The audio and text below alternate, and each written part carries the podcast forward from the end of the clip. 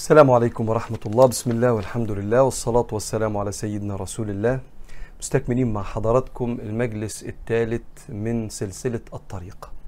سلسلة طلب العلم الشرعي اللي بندرس فيها أربع علوم. علوم تتكلم عن الله عن رسول الله عن الإسلام عن تزكية النفس وترقية أخلاقها. الله الرسول الإسلام النفس. العقيدة كتاب العقيدة الطحاوية كتاب الشمائل المحمدية اللي بيتكلم عن صفات النبي الخلقية والخلقية ثم كتاب الفقه الواضح من الكتاب والسنة على المذاهب الأربعة لدكتور محمد بكر إسماعيل رحمه الله اتكلم على الفقه وما يطلبه ربنا مننا في العبادات ولكن بناخد آراء المذاهب الأربعة في كل عبادة من العبادات وكل تفصيلة من التفصيلات. ثم بعد ذلك كتاب أيها الولد للإمام الغزالي وده كتاب تربية وتزكية وتحسين للأخلاق. نبدأ مع بعض على طول في كتاب العقيدة والمجلس الثالث.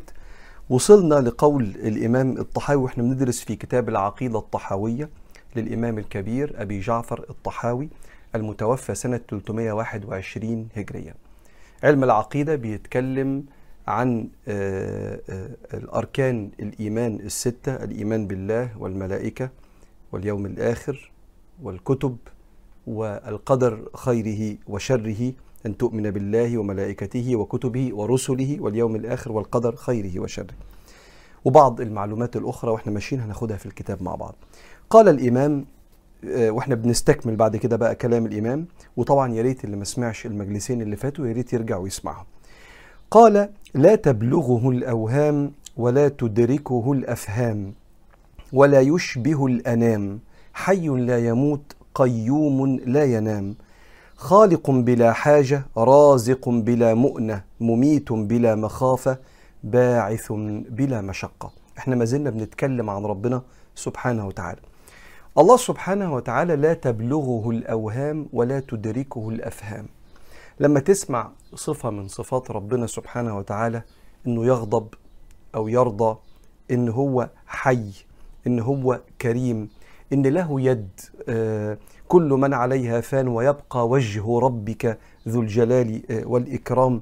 لما تسمع هذه الصفات أنت لن تستطيع تصور ذات ربنا ولا الإحاطة يعني كمال الإدراك بصفات ربنا سبحانه وتعالى. ممكن ندرك بعض المعاني من صفات ربنا لكن إحنا ما نعرفش نحيط بربنا نقول فهمنا ربنا بقى كله وأدركنا ذات ربنا هو إيه بالظبط. قال له لأ.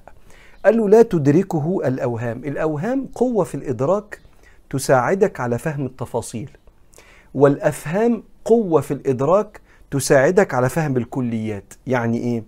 يعني مثلا أقدر أتوهم فتخيل مثلا شكل وجه ربنا؟ قال له لا.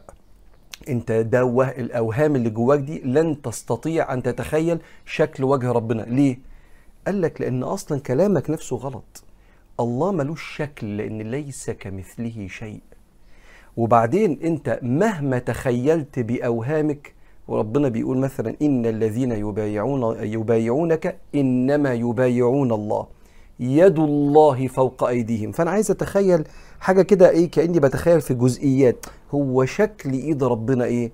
فقال لك لا أنت كلامك نفسه غلط. ما تقولش شكل ان ربنا سبحانه وتعالى ليس كمثله شيء. فملوش شكل انت تقدر تتوهمه. فلا تبلغه الأوهام يعني ما نقدرش نتصور تفاصيل جزئية عن ربنا بأوهامنا.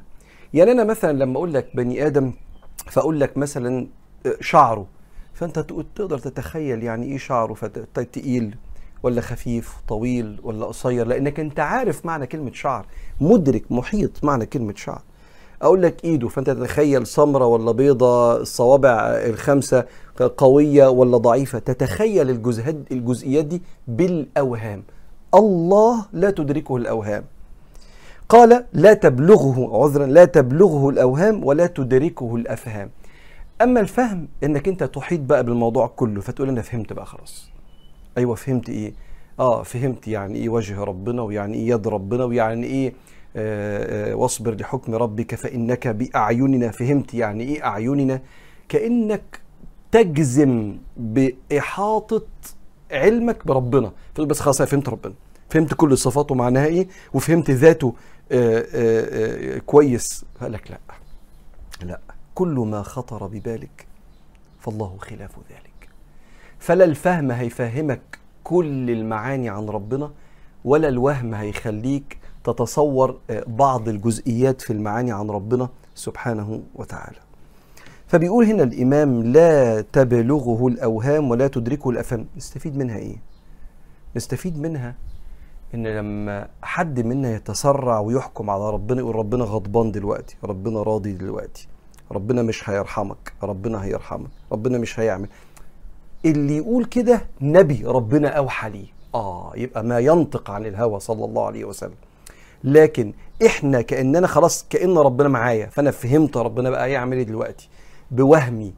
أو أنا بقى اللي بس أنا أحكي لك بقى كل حاجة عن ربنا بالظبط بفهمي. قال له لأ لا تبلغه الأوهام ولا تدركه الأفهام ولا يشبه الأنام. الأنام هو كل مخلوق فيه روح. أو يقال الأنام تطلق على البشر. بيقول لي كده ليه؟ بيقول لي كده علشان أول ما أسمع صفة من صفات ربنا لا أشبهه بالخلق. فالآية اللي كنت بقول لك عليها من شوية بقول لك مثلا ربنا بيقول إن الذين يبايعونك إنما يبايعون الله. طب إحنا بنبايع النبي كده. فالآية بتقول يد الله فوق أيديهم. فأنت إذا تصورت إن في يد بقت معانا كده أنت شبهت. والله لا يشبه الأنام. وكيفت المعنى. أيوه إيد ربنا كأن لا. حتى العلماء نفسهم لما بيعلمونا في العقيدة ما نقولش يد الله كده أنا بشبه كأني بشبهها بإيدي. قال له ما تعملش كده. ليه ما تعملش كده؟ لأننا نثبت لله الصفة اليد. أيوه ربنا قال أن له يد. يبقى يد الله فوق أيدي يد الله مع الجماعة. فنثبت الصفة. اتنين ننفي أن تشابه المخلوقين البشر. ثلاثة إما إن إحنا نفوض معناها يعني إيه يد الله فوق أيديهم كما يريد الله وكما يعرف الله وكما يحب الله. أو نؤول إن يد الله يعني عون الله ومدد الله كما يفهمها العرب. فأهل السنة والجماعة بيقولوا كده. أول ما تسمع كده ولتصنع على عيني خلاص ربنا قال عين يبقى نثبت الصفة ننفي إن ربنا ليه عين محتاجها لأن أنا لو ما عنديش عين مش هشوف. فربنا ما عندوش جارحة محتاجها عشان يشوف بيها. فننفي أن تشابه صفات المخلوقين ثم بعد ذلك نفوض أمرها إلى الله. أثبتنا لكن نقول كما يريد الله. في معنى كلمة عيني يبقى وجه ربك. نفوض معناها لربنا كما يحب أو نؤولها تأويل كما يفهمه العرب يتسق مع صفات ربنا ويتسق مع المعنى ليس كمثله شيء. وهو السميع البصير. الموضوع ده فيه خناقة كده ما بين الشباب والمشايخ. طلع نفسك بره كده إيه وخليك على فهم أهل السنة. قال ولا يشبه الأنام. حي لا يموت قيوم لا ينام. الله حي. فاكر؟ نثبت صفة الحياة. لا تشابه حياة المخلوقين. آه. ليه لا تشابه حياة المخلوقين؟ لأن أنا حياتي معتمدة على حاجات. اولا معتمدة على أكل وشرب. لو قعدت مدة معينة ما أكلش وما أشربش ممكن أموت. معتمد على دورة دموية معتمد على نبضات قلب معتمد على روح جوايا. فأنا حياتي معتمدة على أشياء غيري.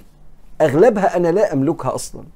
لكن الله سبحانه وتعالى حياته صفة ذاتية. عشان كده إحنا في الآية في سورة البقرة نقول الله لا إله إلا هو الحي القيوم. فهو قال لك حي لا يموت مش حياة زينا ليها نهاية. وزي كل المخلوقات اللي في الدنيا في وقت معين مش هيبقى موجود. كل من عليها فان الله لا يموت. قيوم لا ينام. قيوم يعني إيه؟ يعني قائم بذاته. أنا قائم بغيري. قائم على أكل محتاج يمدني. قائم على طاقة. لما بتستنفذ بتعب وبنام خلاص بقع بسقط بقع من طولي. أنا فضلت صاحي النهارده وبكرة وبقى خلاص وقعت تلاقيني قاعد في القعدة كده بعمل كده. الله حي قيوم لا تأخذه سنة اللي هي الغفلة دي ولا نوم اللي هو الاستغراق في النوم. لأن الاستغراق في النوم أو النوم هو عبارة عن غفلة تمنع الإنسان عن استخدام حواسه. هو مش ممكن ما يبقاش سامع ما يبقاش شايف مش عارف يستخدم جوارحه وكل ده من نقص وضعف الإنسان. الله قيوم. أولا مش محتاج على حد. أنا قائم بالله. أنفاسي قائمة بالله. روحي قائمة بالله. نبضات قلبي قائمة بالله. لكن الله ليس قائم بأحد هو قائم بذاته. فهو قيوم لا ينام. نستفيد منها إيه؟ نستفيد منها إن أنت كل حاجة تحت السيطرة. تعيش في ملك إله بيحكمه مهيمن مهيمن على كل شيء. لا يخفى عليه شيء. وما بينامش فتحصل حاجات من وراه وهو نايم. ولا بيغفل عن حاجة فتحصل في حتة مستخبية كده وهو مش شايفها. ولا بيحتاج لشيء عشان يفضل موجود زي ما أنا محتاج للمية والاكل عشان أفضل موجود. إنما هو قائم بذاته سبحانه وتعالى. بتعبد إله عظيم. إله تطمن وتحمد ربك إنك عرفته. قال حي لا يموت قيوم لا ينام. اللي جاي دي حلوة قوي. خالق بلا حاجة رازق بلا مؤنة مميت بلا مخافة باعث بلا مشقة. الله أنا اشتريت التليفون لأني محتاج أكلم أخويا اللي في البلد التانية ولا في الشارع اللي ورانا فأنا جبت الحاجة دي لاحتياجي ليها. أنا جبت الأكل لأني جعان فعايز أكل بعد شوية. اشتريت اللبس عشان أستر نفسي. فكل فعل وراه غرض واحتياج. الله لا.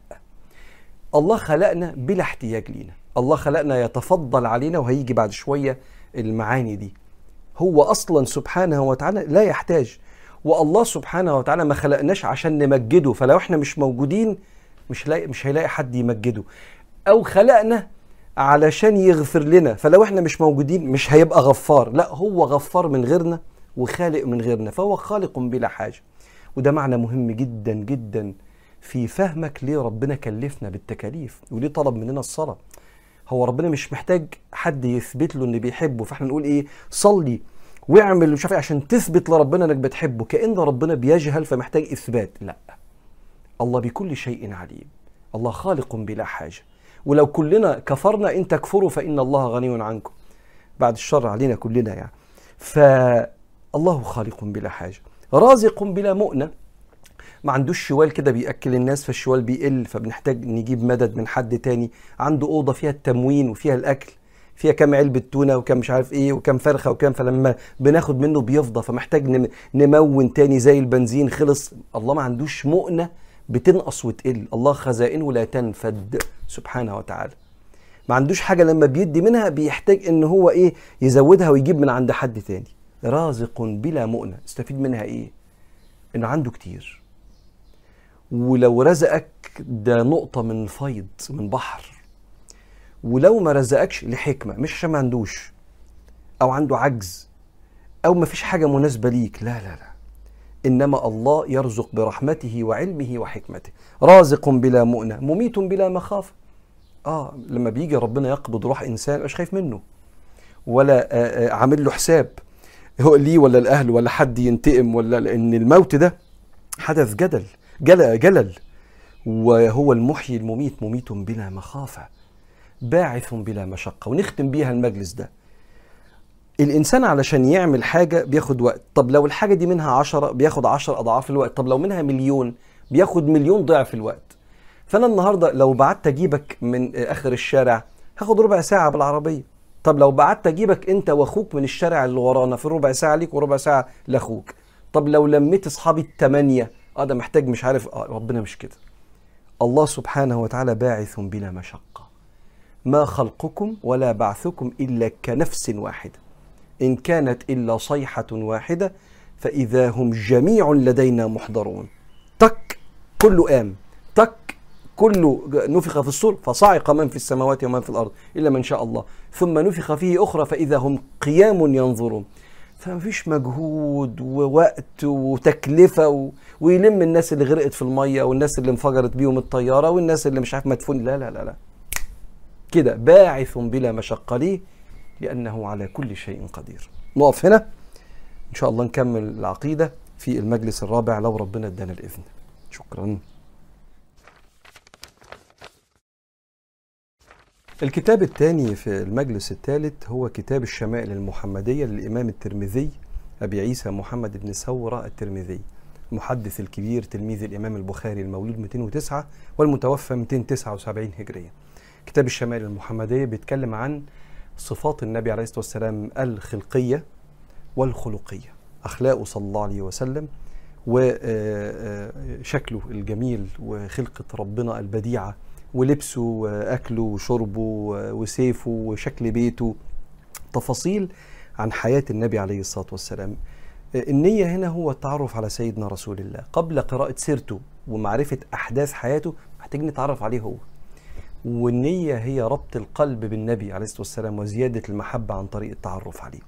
وصلنا مع بعض في كلام الإمام الترمذي باب ما جاء في ترجل رسول الله صلى الله عليه وسلم. ترجل يعني تسريح الشعر. كان سيدنا النبي عليه الصلاة والسلام يكرم شعره كان شعره جميل. فيقول الإمام الترمذي عن عائشة قالت كنت أرجل رأس رسول الله صلى الله عليه وآله وسلم وأنا حائض. الناس تسأل إيه معنى الحديث ده. في أكتر من معنى المعنى الأولاني إن هي كانت ساعات بتسرح له شعره يعني موقف لطيف من بين الزوجة وزوجها يعني. الحاجة التانية إن كان قبل الإسلام قبل مجيء النبي كانت المرأة الحائض عند العرب تعتبر نجسة نجاسة حسية فكانوا يطردوها بره البيت. وكانوا خدوا العادة دي من أهل الكتاب من يهود المدينة. ودي كانت عادة قبيحة جدا جدا لدرجة السيده عائشة بتقول إحنا لما أنا كنت في وقت الحيض كنت ببقى معاه وبلمس شعره وبعيش معاه تقول لي ما ده عادي. أقول لك عادي دلوقتي عشان سيدنا النبي شفى الناس بإذن الله من الجاهلية دي. لكن زمان كانت المرأة بتتعامل بمعامله مش حلوة. وسيدنا النبي عليه الصلاة والسلام استرد لها حقها قال وعن أنس بن مالك رضي الله عنه كان رسول الله صلى الله عليه وسلم يكثر دهن رأسه وتسريح لحيته ويكثر القناع كان حتى كأن ثوبه ثوب زيات. زيات بائع العطر. ما هو العطر زمان ما كانش بيرفيوم كده بيترش بيطلع رذاذ. كان عطر زي المسك أنت عارف شكله كويس. فكان سيدنا النبي يكثر من وضع الدهن. الدهن ده شيء زي آه العطر ليه ريحة حلوة وكمان بيعتني بالشعر فيبقى الشعر بيلمع وريحته حلوة.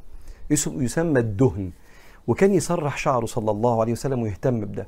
ويكثر القناع. القناع حتة قماشة بتتحط على الراس عشان تتحط عليها العمامة لأن العمامة لو اتحطت على الراس والراس مليانة الزيت اللي ريحته حلوة ده وبيلمع الشعر العمامة تزيت يبدأ يبقى فيها بقع فكان عنده قناع كده حتة قماشة تتحط فكأن ثوب النبي عليه الصلاة والسلام من ريحته كأنه بياع عطور صلى الله عليه وسلم. والحديث أصلا بيتكلم على دهن الرأس والاهتمام بالشعر وتسريح الشعر. قال وعن عائشة رضي الله عنها أن كان رس إن كان رسول الله صلى الله عليه وسلم ليحب التيمن في طهوره إذا تطهر وفي ترجله إذا ترجل وفي انتعاله إذا انتعل. كان يحب التيمن في ثلاث حاجات. في الطهور يعني يبدأ وهو بيتوضأ بالأعضاء اليمين وفي الترجل كان يسرح شعره بإيده اليمين ترجل تسريح الشعر. وفي انتعاله لما يجي يلبس الجزمة كان يلبس الجزمة صلى الله عليه وسلم يبدأ باليمين ولما يجي يقلع يقلع الجزمة بالشمال. وعن عبد الله بن مغفل رضي الله عنه نهى رسول الله صلى الله عليه وآله وسلم عن الترجل إلا غبا. آه. وكان النبي صلى الله عليه وسلم يترجل غبا. غبا يعني, عندي الاحتياج. يعني مش طول ما إحنا واقفين بنبص في المراية وبنسرح شعرنا. كان يعلمونا المشايخ كده. كان مع الشيخ مثلا الأسانسير. فأنت أول ما تخش الأسانسير تقعد تبص في شعرك كده وتعمل. فكانت المشايخ تركب الأسانسير بصه في الأرض كده. ليه؟ مش كل شوية الواحد يقعد يهتم ويعمل كده بالذات للرجال يعني. فكان النبي عليه الصلاة والسلام على قد اهتمامه لكن وقت الاحتياج. فكل شيء وسط ما يزيدش عن الحد فتلاقي شعره ريحته جميلة ومتسرح لكن في نفس الوقت الاعتناء بشيء كده من التوسط. باب ما جاء في شيب رسول الله صلى الله عليه وسلم الشعر الأبيض عند سيدنا النبي عليه الصلاة والسلام. عن أنا آه سيدنا قتادة بيقول لسيدنا أنس هل خضب رسول الله صلى الله عليه وسلم؟ يعني هل النبي صبغ شعره؟ قال لم يبلغ ذلك يعني كأنه عايز يقول له ما لحقش يعني إنه يصبغ شعره. إنما كان شيبا في صدغيه الصدغ الحتة اللي تحت الودان دي كده في شوية إيه ناحية السوالف كده في الحتة دي. إنما كان شيبا في صدغيه لكن أبو بكر رضي الله عنه خضب بالحناء والكتم. خضب ببعض النباتات اللي بيطلع منها لون الحناء والكتم. وعن أنس بن مالك رضي الله عنه قال ما عددت في رأس رسول الله صلى الله عليه وسلم ولحيته إلا أربعة عشر إلا أربع عشرة شعرة بيضاء. أنت واخد بالك بيبصوا إزاي؟ سيدنا أنس بيقول أنا عديت في رأس النبي ولحيته 14 شعرة بيضة تخيل النظرة للنبي كانت عاملة إزاي؟ تخيل التدقيق.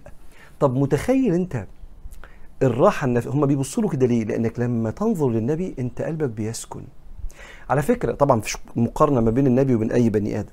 بس في بني آدمين عايشين معانا كده وجهه مليان سكينة سبب طيبة قلبه وحنيته ورحلته مع الله وعطائه مع الخلق وقربه من ربه حاجات كتير حلوة. ما بالك بقى النبي اللي, اللي طلع كلم ربنا اللي سيدنا جبريل بي بيعلمه وبيشوف سيدنا جبريل والملائكة النبي. فكانوا بيبصوا له نظرة تخليه يقعد يعد الشعر الأبيض اللي عنده. قال آه سمعت جابر بن سمرة وقد سئل عن شيب رسول الله صلى الله عليه وسلم فقال كان إذا دهن رأسه لم يرى منه شيب وإذا لم يدهن رؤي منه شيء لما بيدهن راسه بالزيت اللي بيلمع اللي ليه ريحة حلوة لمعان الزيت بيداري لمعان الشعر البيضة فتحس إيه كله بيلمع الأبيض مش باين. لكن لو مش داهن شعره فالشعر بيبقى شكله شوية جاف فيبان سواده. طب والشعر البيضة بتلمع كده؟ فلو ادهن ما يبانش الشيب ولو سابه يبان الشيب قال وعن عبيد بن عمر عن نافع عن ابن عمر قال إنما كان شيب رسول الله صلى الله عليه وسلم نحوا من عشرين شعرة شعرة بيضاء. يعني تقريبا حوالي عشرين كده وإحنا بنعد يعني. فسيدنا أنس قال 14 وسيدنا عبد الله بن عمر يبدو أنه شاف النبي بعدها بشوية أكتر وعدهم لهم عشرين. قال وعن ابن عباس رضي الله عنه قال قال أبو بكر يا رسول الله قد شبت شعرك أبيض. صاحب بيكلم صاحبه شعرك أبيض يا سيدنا النبي. قال شيبتني هود. آه وما في هود من الآيات اللي فيها تكذيب للمرسلين وإنذار من ربنا لمن يكذب المرسلين. شيبتني هود والواقعة والمرسلات وعما يتساءلون وإذا الشمس كورت. ابقى أقرأ السور دي بقلب كده وتدبر واقرأ تفسيرها.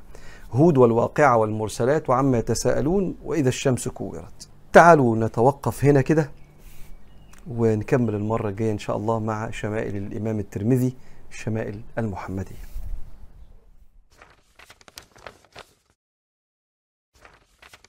مستمرين في المجلس الثالث في كتاب الفقه.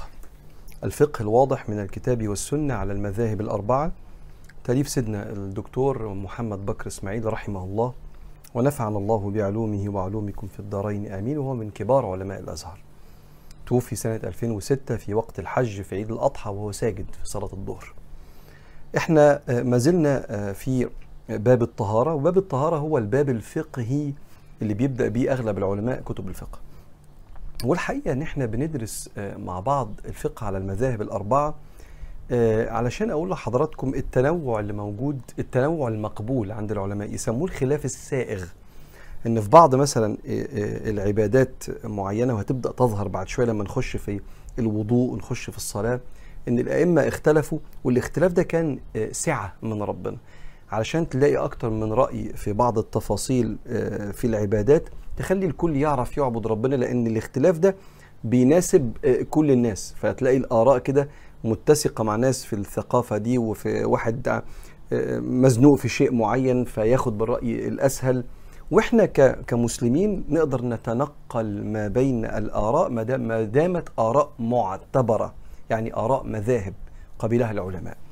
يلا نكمل على طول. إحنا في باب آداب قضاء الحاجة. إيه علاقة الفقه بآداب قضاء الحاجة؟ آه ما الفقه ده اللي فيه الوضوء والصلاة بيبدأ بأن أنا لازم أكون طاهر طاهر البدن. وطاهر الثياب وطاهر المكان اللي بصلي فيه, بصلي فيه وما عنديش حدث يعني ناقض وضوئي فأنا محتاج أكون متوضي أو حدث أكبر إني أكون على جنابة فمحتاج أكون مغتسل. فإحنا في حاجة كبيرة بتدخلنا على ربنا وهي الطهارة. فمن ضمن الطهارة هناك آداب وفقه للطهارة. من ضمن الآداب دي آداب إن الواحد يخش الحمام. الإسلام دين النظافة والنظافة على رأس يعني علامات الإنسان المؤمن. وإذا كان إماطة الأذى عن الطريق صدقة فإماطة أذى الإنسان عن نفسه وعن الناس صدقة. إحنا بنتكلم النهاردة هنكمل مع بعض في المجلس الثالث آداب قضاء الحاجة. وصلنا إلى الأدب السابع وهو كراهة التخلي في الطريق والظل. التخلي إن الواحد يعمل تواليت يقضي حاجته. فين؟ كراهة. غلط إن أنا في طريق الناس فتلاقي مثلا كده في الشوارع في بعض الأماكن على حيطان سور مش عارف إيه. فده ده مش من ديننا. ده مش من ديننا. فيقول هنا الإمام ويكره المسلم أن يقضي حاجته في طريق الناس وظلهم وهو المكان الذين الذي يجلسون فيه تحت الأشجار والجدران. فإن في ذلك ضررا كبيرا على الناس وضررا على الشخص نفسه اللي قضى حاجته. ليه؟ لأن الناس تلعنه. قال صلى الله عليه وسلم اتقوا اللعانين أو اللعانين. قالوا وما اللعانان يا رسول الله؟ قال الذي يتخلى في الطريق أو في طريق الناس أو في ظلهم. يبقى في الطريق كده نشوف حاجة زي كده أو في المكان الظل اللي الناس تستريح فيه فنلاقي إنسان قعد في الظل فقضى حاجته. وبعدين قال الإمام رقم 8 كراهة البول في موضع الاستحمام. ويكره أن يبول الرجل المسلم في مستحمه هو بيستحمى يعني في المكان اللي بيستحمى فيه أي الموضع الذي يستحم فيه إلا إذا كان الحمام به بالوعة وأمن على نفسه رشاش الماء لقوله صلى الله عليه وسلم لا يبولن أحدكم في مستحمه ثم يتوضأ فيه فإن عامة الوسواس منه. إيه الحكاية دي؟ في فارق ما بين الفقه حرام وحلال والأدب. والأدب والشياكة. واحد يقول لا ما هو مش من الشياكة إن أنا أتبول وأنا بستحمى في البانيو اللي بستحمى فيه. آه صح دي مش من الشياكة. البول ليه مكان؟ التواليت نفسه. بس لو واحد عمل كده مش لا يأثم. ليه؟ لأن في بلاعة لما بيتبول بالميه اللي بنازلة من الدش والبول اللي نزل منه بينزل من البلاعة. خلاص ما بقاش فيه نجاسة. بس زمان ما كانش كده. زمان كان الإنسان بيبقى واقف في الطشت بيبقى واقف في مكان مثلا على سبيل المثال مية قليلة في بركة صغيرة فبياخد بالكوز من الطشت أو من البركة دي وبيستحم منه. ما كانش فيه زمان دورات المياه والمواسير والصرف والكلام ده.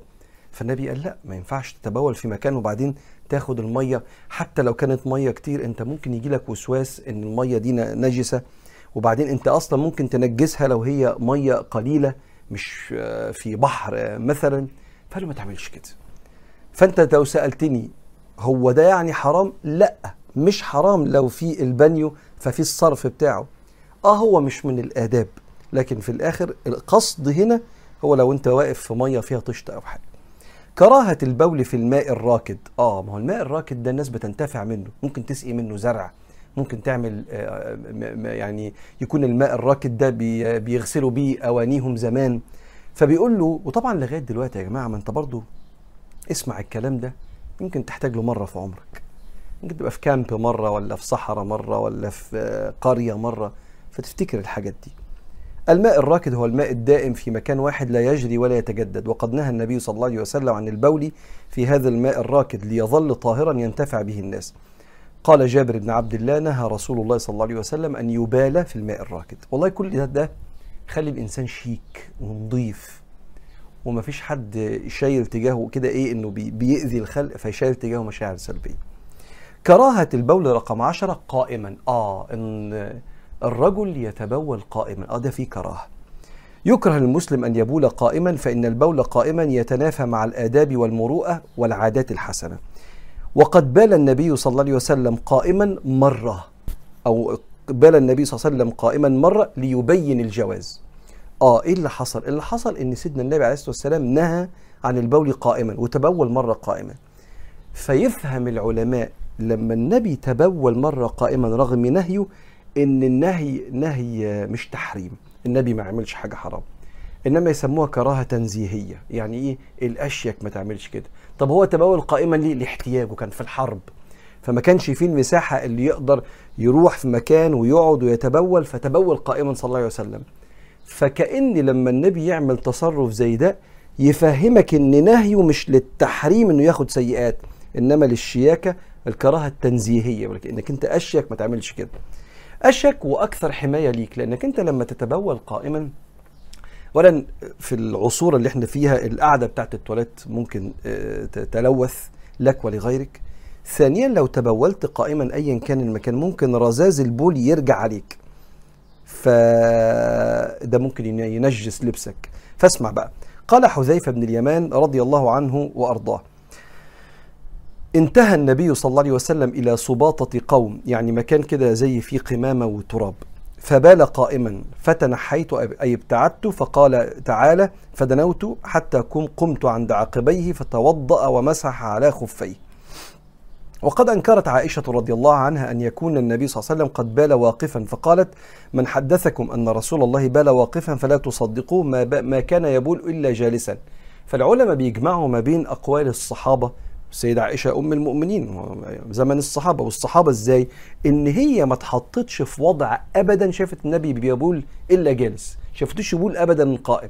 حذيفة كان مع النبي في مكان فيه قمامة فممكن يبقى القمامة دي فيها نجاسة فلو النبي وطى وقعد ممكن يتنجس ثوبه الشريف الكريم فكأنه صلى الله عليه وآله وسلم بال قائما أولا عشان يثبت أنه هو مش حرام لكن وعشان احتياجه صلى الله عليه وسلم. وقول عائشة لا يتنافى مع حديث حذيفة المتقدم لأنه مبني على ما علمت وحديث حذيفة يفيد الجواز ولكن لا ينفي الكراهة لأن هذا الفعل لم يتكرر منه صلى الله عليه وسلم وربما, وربما لم يقع منه إلا مرة ولعله كان مضطرا. رقم 11 التحرز يعني الحماية من رذاذ البول. ينبغي للمسلم أن يتحرى المكان الذي يقضي فيه حاجته بحيث لا يصيب من النجاسات شيئا.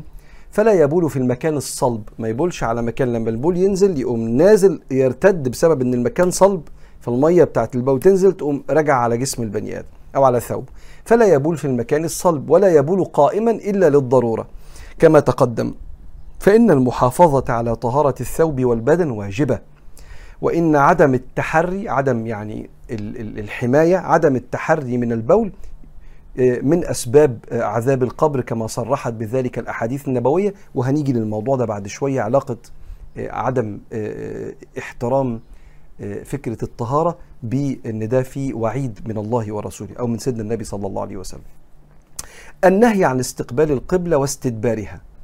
عن أبي هريرة رضي الله عنها ال ال ال ال ال النقطة دي بتقول إنك أنت لو بتقضي حاجتك لا تكون القبلة قدامك ولا وراك بس الموضوع ده فيه استثناء هقول لك عليه يعني جميل قوي إحنا بنحط التصميم بتاع بيوتنا ان يكون التواليت لو القبلة كده لا يبقى التواليت كده فما ابقى قاعد عليه مدي ظهري أو مدي وشي للقبلة. يا ريت يكون في زاوية معينة. بعض البيوت بتراعي ده والبعض الآخر مش بيراعي ليه لأن العلماء قالوا ان النهي ده لو انت في الخلاء. لكن لو قدامك حيطة مفيش آه، آه، نهي عن استقبال القبلة أو استدبارية استدبارية تديها ظهرك يعني. طب ده إيه؟ ده ادب مع الكعبة بيت الله الحرام. عن أبي هريرة رضي الله عنه عن رسول الله صلى الله عليه وسلم قال إذا جلس أحدكم لحاجته فلا يستقبل القبلة ولا يستدبرها فبيقول بقى إيه سيدنا الشيخ محمد بكر إسماعيل والأصح أن النهي في الحديث للتحريم لمن كان يقضي حاجته في الفضاء مستقبل القبلة أو مستدبرها دون ساتر. أما إذا كان أمامه ساترا أو كان في المرحاض اللي هو الحمام يعني فلا يحرم عليه استقبال القبلة أو استدبارها ولكن يستحب له أن ينحرف عنها قليلا لو استطاع. لو استطاع. وبعدين بيجيب لنا آه، الإمام آه، قصة عن سيدنا عمر.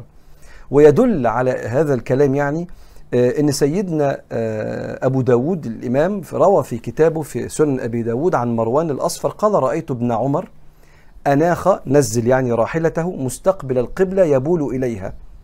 فقلت يا أبا عبد الرحمن أليس قد نهي عن ذلك؟ قال بلى إنما نهي عنه في الفضاء. فإذا كان بينك وبين القبلة شيء يسترك فلا بأس. يبقى هنا القضية لو في حيطة بتسترك يبقى ما فيش أي حاجة. عشان في الآخر برضو ما هي الحمامات هتلاقي مبنية بشكل معين بتلزمك باتجاه يعني مجلسك لقضاء الحاجة. إحنا كده خلصنا آه، آداب قضاء الحاجة والمرة الجاية بإذن الله هنتكلم آه، عن شيء من التطهر ما يسمى بالاستنجاء ولكن المرة الجاية في هذا الدين اللي قائم على النظافة والطهارة سواء تطهير القلب أو تطهير البدن. والله أعلم.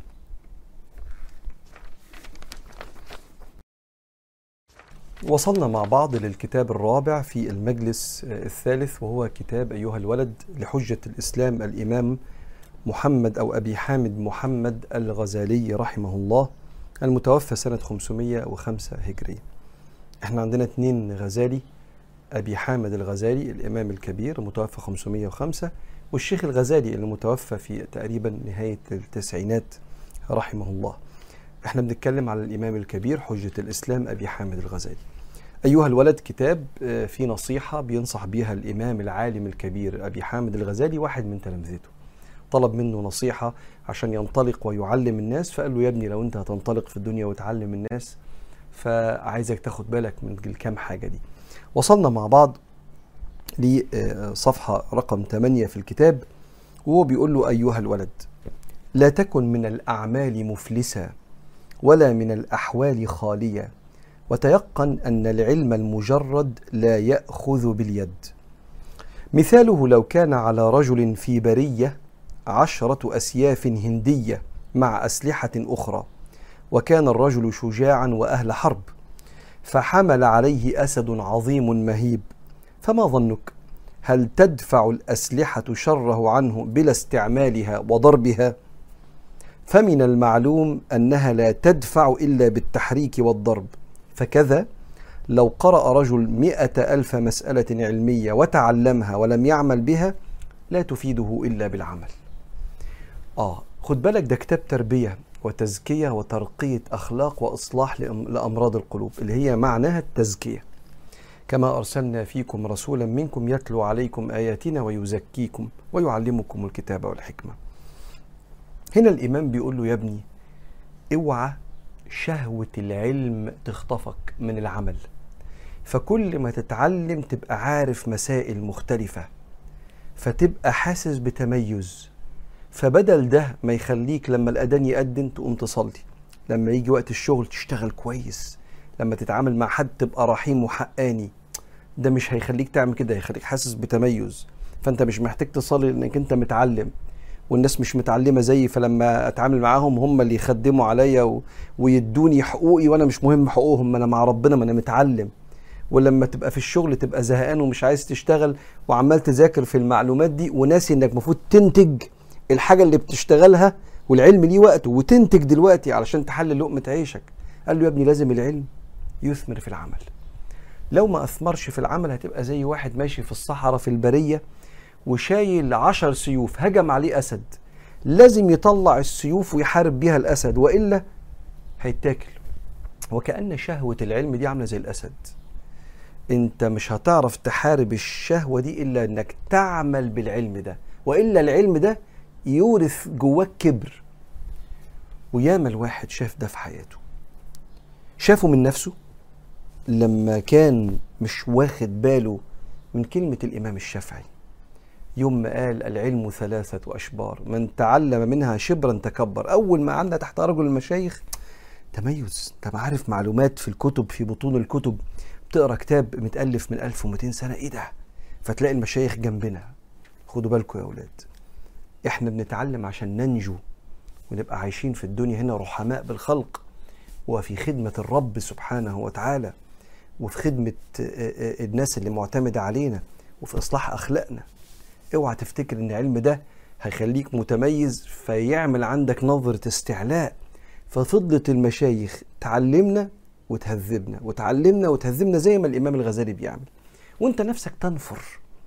من بني آدم عنده معلومة لكنه بيحتقرك فتلاقيه بينصحك بطريقة فيها غلظة وقدام الناس بيعمل مشهد سين كده إنه فاهم وأنت مش فاهم. شوف سيدنا النبي يقول لك لا تتعلموا العلم لتماروا به السفهاء وتجادلوا به العلماء وتصرفوا وجوه الناس إليكم.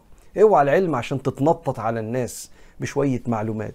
ما هي الناس على فكرة زيك لو كان عندهم وقت كان درسوا ناس اشتغل وشقيانة وانت ربنا اداك وقت واداك شيخ. فكلما تعلمت عملت بالعلم فده أثر في أخلاقك سواء بالعمل مع الله أو برحمة الخلق. ثم قال له الإمام الكبير أيها الولد لو قرأت العلم مئة سنة وجمعت ألف كتاب لا تكون مستعدا لرحمة الله تعالى إلا بالعمل لقوله تعالى وأن ليس للإنسان إلا ما سعى. وقوله تعالى فمن كان يرجو لقاء ربه فليعمل عملا صالحا. كان العلماء يفسروا فمن كان يرجو النجاة والسلامة يوم لقاء ربه فليعمل عملا صالحا. بالمناسبة اللي إحنا بنعمله ده عمل. عمل انك بدأت تتعلم. وبعد ما تتعلم تبدأ تعمل. فأول العمل العلم. ما هو برضو العلم ده جزء من العمل. في منك مجهود واخد وقت دلوقتي. وممكن تكون بتكتب ورايا ممكن تكون اشتريت الكتاب وفتحه معايا. ده في حد ذاته عمل بس ده عمل المفروض يؤدي إلى عمل ينبني عليه عمل آخر وهو تطبيق اللي بنتعلمه على قد ما نقدر. وقوله تعالى جزاء بما كانوا يكسبون يعني يفعلون. وقوله تعالى إن الذين آمنوا وعملوا الصالحات كانت لهم جنات الفردوس, الفردوس نزلا. مش آمنوا آمنوا وعملوا الصالحات. خالدين فيها لا يبغون عنها حولا. سورة الكهف. وقوله تعالى إلا من تاب وآمن وعمل عملا صالحا. وما تقول في هذا الحديث بيكلم الولد؟ وما تقول في هذا الحديث بني الإسلام على خمس؟ شهادة أن لا إله إلا الله وأن محمد رسول الله وإقام الصلاة وإيتاء الزكاة وصوم رمضان وحج البيت من استطاع إليه سبيلا. والإيمان قول باللسان وتصديق بالجنان اللي هو القلب وعمل بالأركان. كأنه بيقول له يا ابني طب النهاردة أنت لو العلم ده ما خلاكش تركز في صلاتك وتحسن من صيامك وتأدي زكاتك في وقتها وتحج لو استطعت إليه سبيلا وتكرم خلق الله وتبقى صادق في الحديث. شوف سيدنا عمر يقول لك لا يغرنك. اوعى تتخدع. لا يغرنك طنطنة الرجل بالليل والنهار. صوته حلو في القرآن كده وجميل. اوعى تتخدع. أيوه سيدنا عمر هو انت كده مش بتقلل من قيمة القرآن؟ لا. ده القرآن ده هو بابنا الكبير إلى الله لكن استنى. جنب القرآن اللي هو الحال مع الله العبادة مع الله اوعى تحكم على الشخص بده بس لسه في جانب القرآن اللي هو بيقراه قال له يعمله هو معاملة الناس. فقال لا يغرنكم طنطنة الرجل بالليل والنهار ولكن الرجل من إذا حدث صدق وإذا اؤتمن أدى وإذا أشفى يعني طمع ورع مسك نفسه من الطمع ده. فبيقول له يا ابني الإيمان قول باللسان وتصديق بالقلب وعمل بالأركان تصديق بالجنان وعمل بالأركان. ودليل الأعمال أكثر من أن يحصى وإن كان العبد يبلغ الجنة بفضل الله وكرمه لكن بعد أن يستعد بطاعته وعبادته لأن رحمة الله قريب من المحسنين. ولو قيل أيضا يبلغ بمجرد الإيمان قلنا نعم لكن متى يبلغ؟ وكم من عقبة كؤود يقطعها إلى أن يصل. فأول تلك العقبات عقبة الإيمان وأنه هل يسلب من سلب الإيمان أم لا؟ وإذا وصل هل يكون خائنا مفلسا؟ بيقول له يا ابني خد بالك خد بالك. اوعى تعتمد على معنى الإيمان فقط وما تهتمش بالعمل الصالح. لحسن توصل لربنا مؤمن لكن عندك فلس من كتر الحقوق اللي في رقبتك. والغلط اللي غلطته في خلق الله والتعدي اللي حصل على الحقوق سواء البدنية أو النفسية أعراضهم أو المالية ممتلكاتهم. فبيقول له يا ابني لا تكن من الأعمال مفلسا ولا من الأحوال خاليا. كأنه بيقول له يا ابني يلا بسم الله اللي هتسمعه مني ده مش للعلم بس للعلم والعمل. فركز مع نفسك. وبالمناسبة بمناسبة التزكية وترقية الأخلاق اللي بيركز مع نفسه بينسى الناس. وما بيغرقش في الحكم على نوايا الخلق وأفعالهم لما بيبقى مركز مع نفسه كده وحاسس إن يا دوبك العمر على قد إصلاح النفس ولو ربنا أكرمني وصلت كلمتي لحد اوصلها بأكتر طريقة فيها رحمة تجذب القلب مش تنفره ثم ختم الجزئية دي ونختم بها المجلس ده قال الحسن البصري يقول الله تعالى لعباده ادخلوا يا عبادي الجنة برحمتي واقتسموا. واقتسموها يعني اقتسموا المنازل واقتسموها بقدر أعمالكم. شكرا ونتقابل في المجلس الرابع إن شاء الله على خير. والحمد لله رب العالمين.